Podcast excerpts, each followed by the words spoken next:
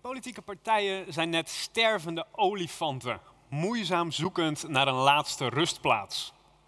Het zijn de woorden van D66-senator Jan Vis, uitgesproken aan het begin van deze eeuw. En het mogen duidelijk zijn, Vis vond partijen maar reliquieën. Met overheidssubsidie werd het boeltje nog in leven gehouden, maar eigenlijk was het niet veel meer dan monumentenzorg. Was Vis bedroefd daarover? Nee, Partijen ontsierden de Tweede Kamer, waar fractievoorzitters het commando voerden, terwijl het overgrote deel van de Kamerleden zich zonder mandaat achter een brede rug verscholen hield. De Kamer, vond Vis, was geen volksvertegenwoordiging, maar een partijenvertegenwoordiging. Nu was Vis niet de laatste die weinig op had met partijen, maar ook zeker niet de eerste. Een D66-lid van het eerste uur wees me op het essay over de afschaffing van alle politieke partijen van de Franse denker Simone Weil geschreven in 1943. Partijen onderdrukten volgens haar het vrije denken van de individuele leden. En uiteindelijk had iedere partij maar één doel: de eigen eindeloze groei. Partijen waren mild despotische clubs waar je maar beter niets mee te maken kon hebben.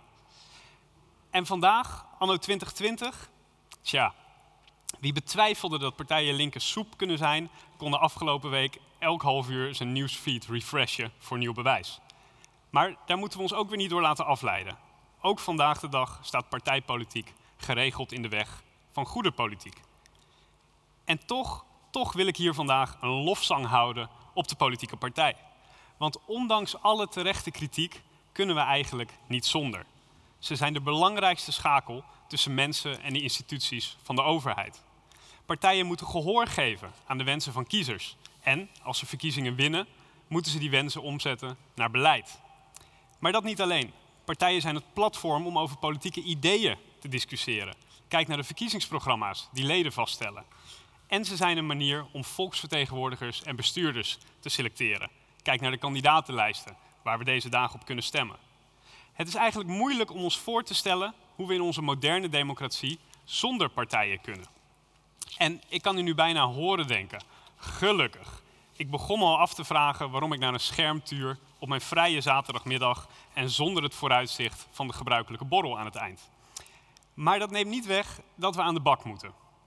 Als we willen dat partijen die functie vervullen van belangrijke schakel tussen mensen en politiek, dan legt dat een grote verantwoordelijkheid bij ons allemaal. En ik zie twee cruciale opdrachten. De eerste is dat wij een deeltjesversneller moeten zijn in het politieke debat. Want als partijen dat niet doen, laten we visies op de toekomst van Nederland over aan het operationele denken van planbureaus en ministeries.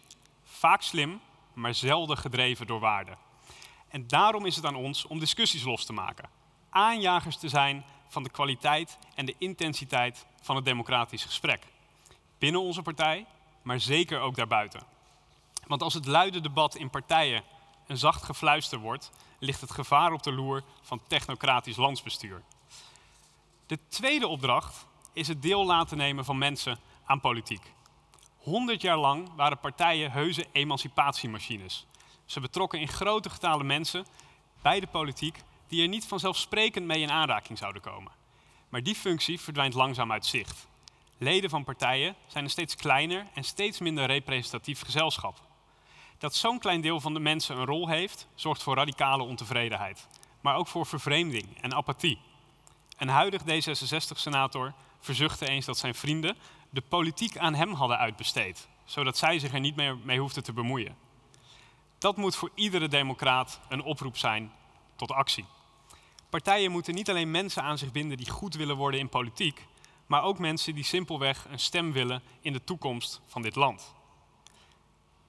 Eindigen partijen als die oude, stervende olifanten op weg naar een laatste rustplaats, zoals Vis het zich ooit voorstelde? Ik denk het niet.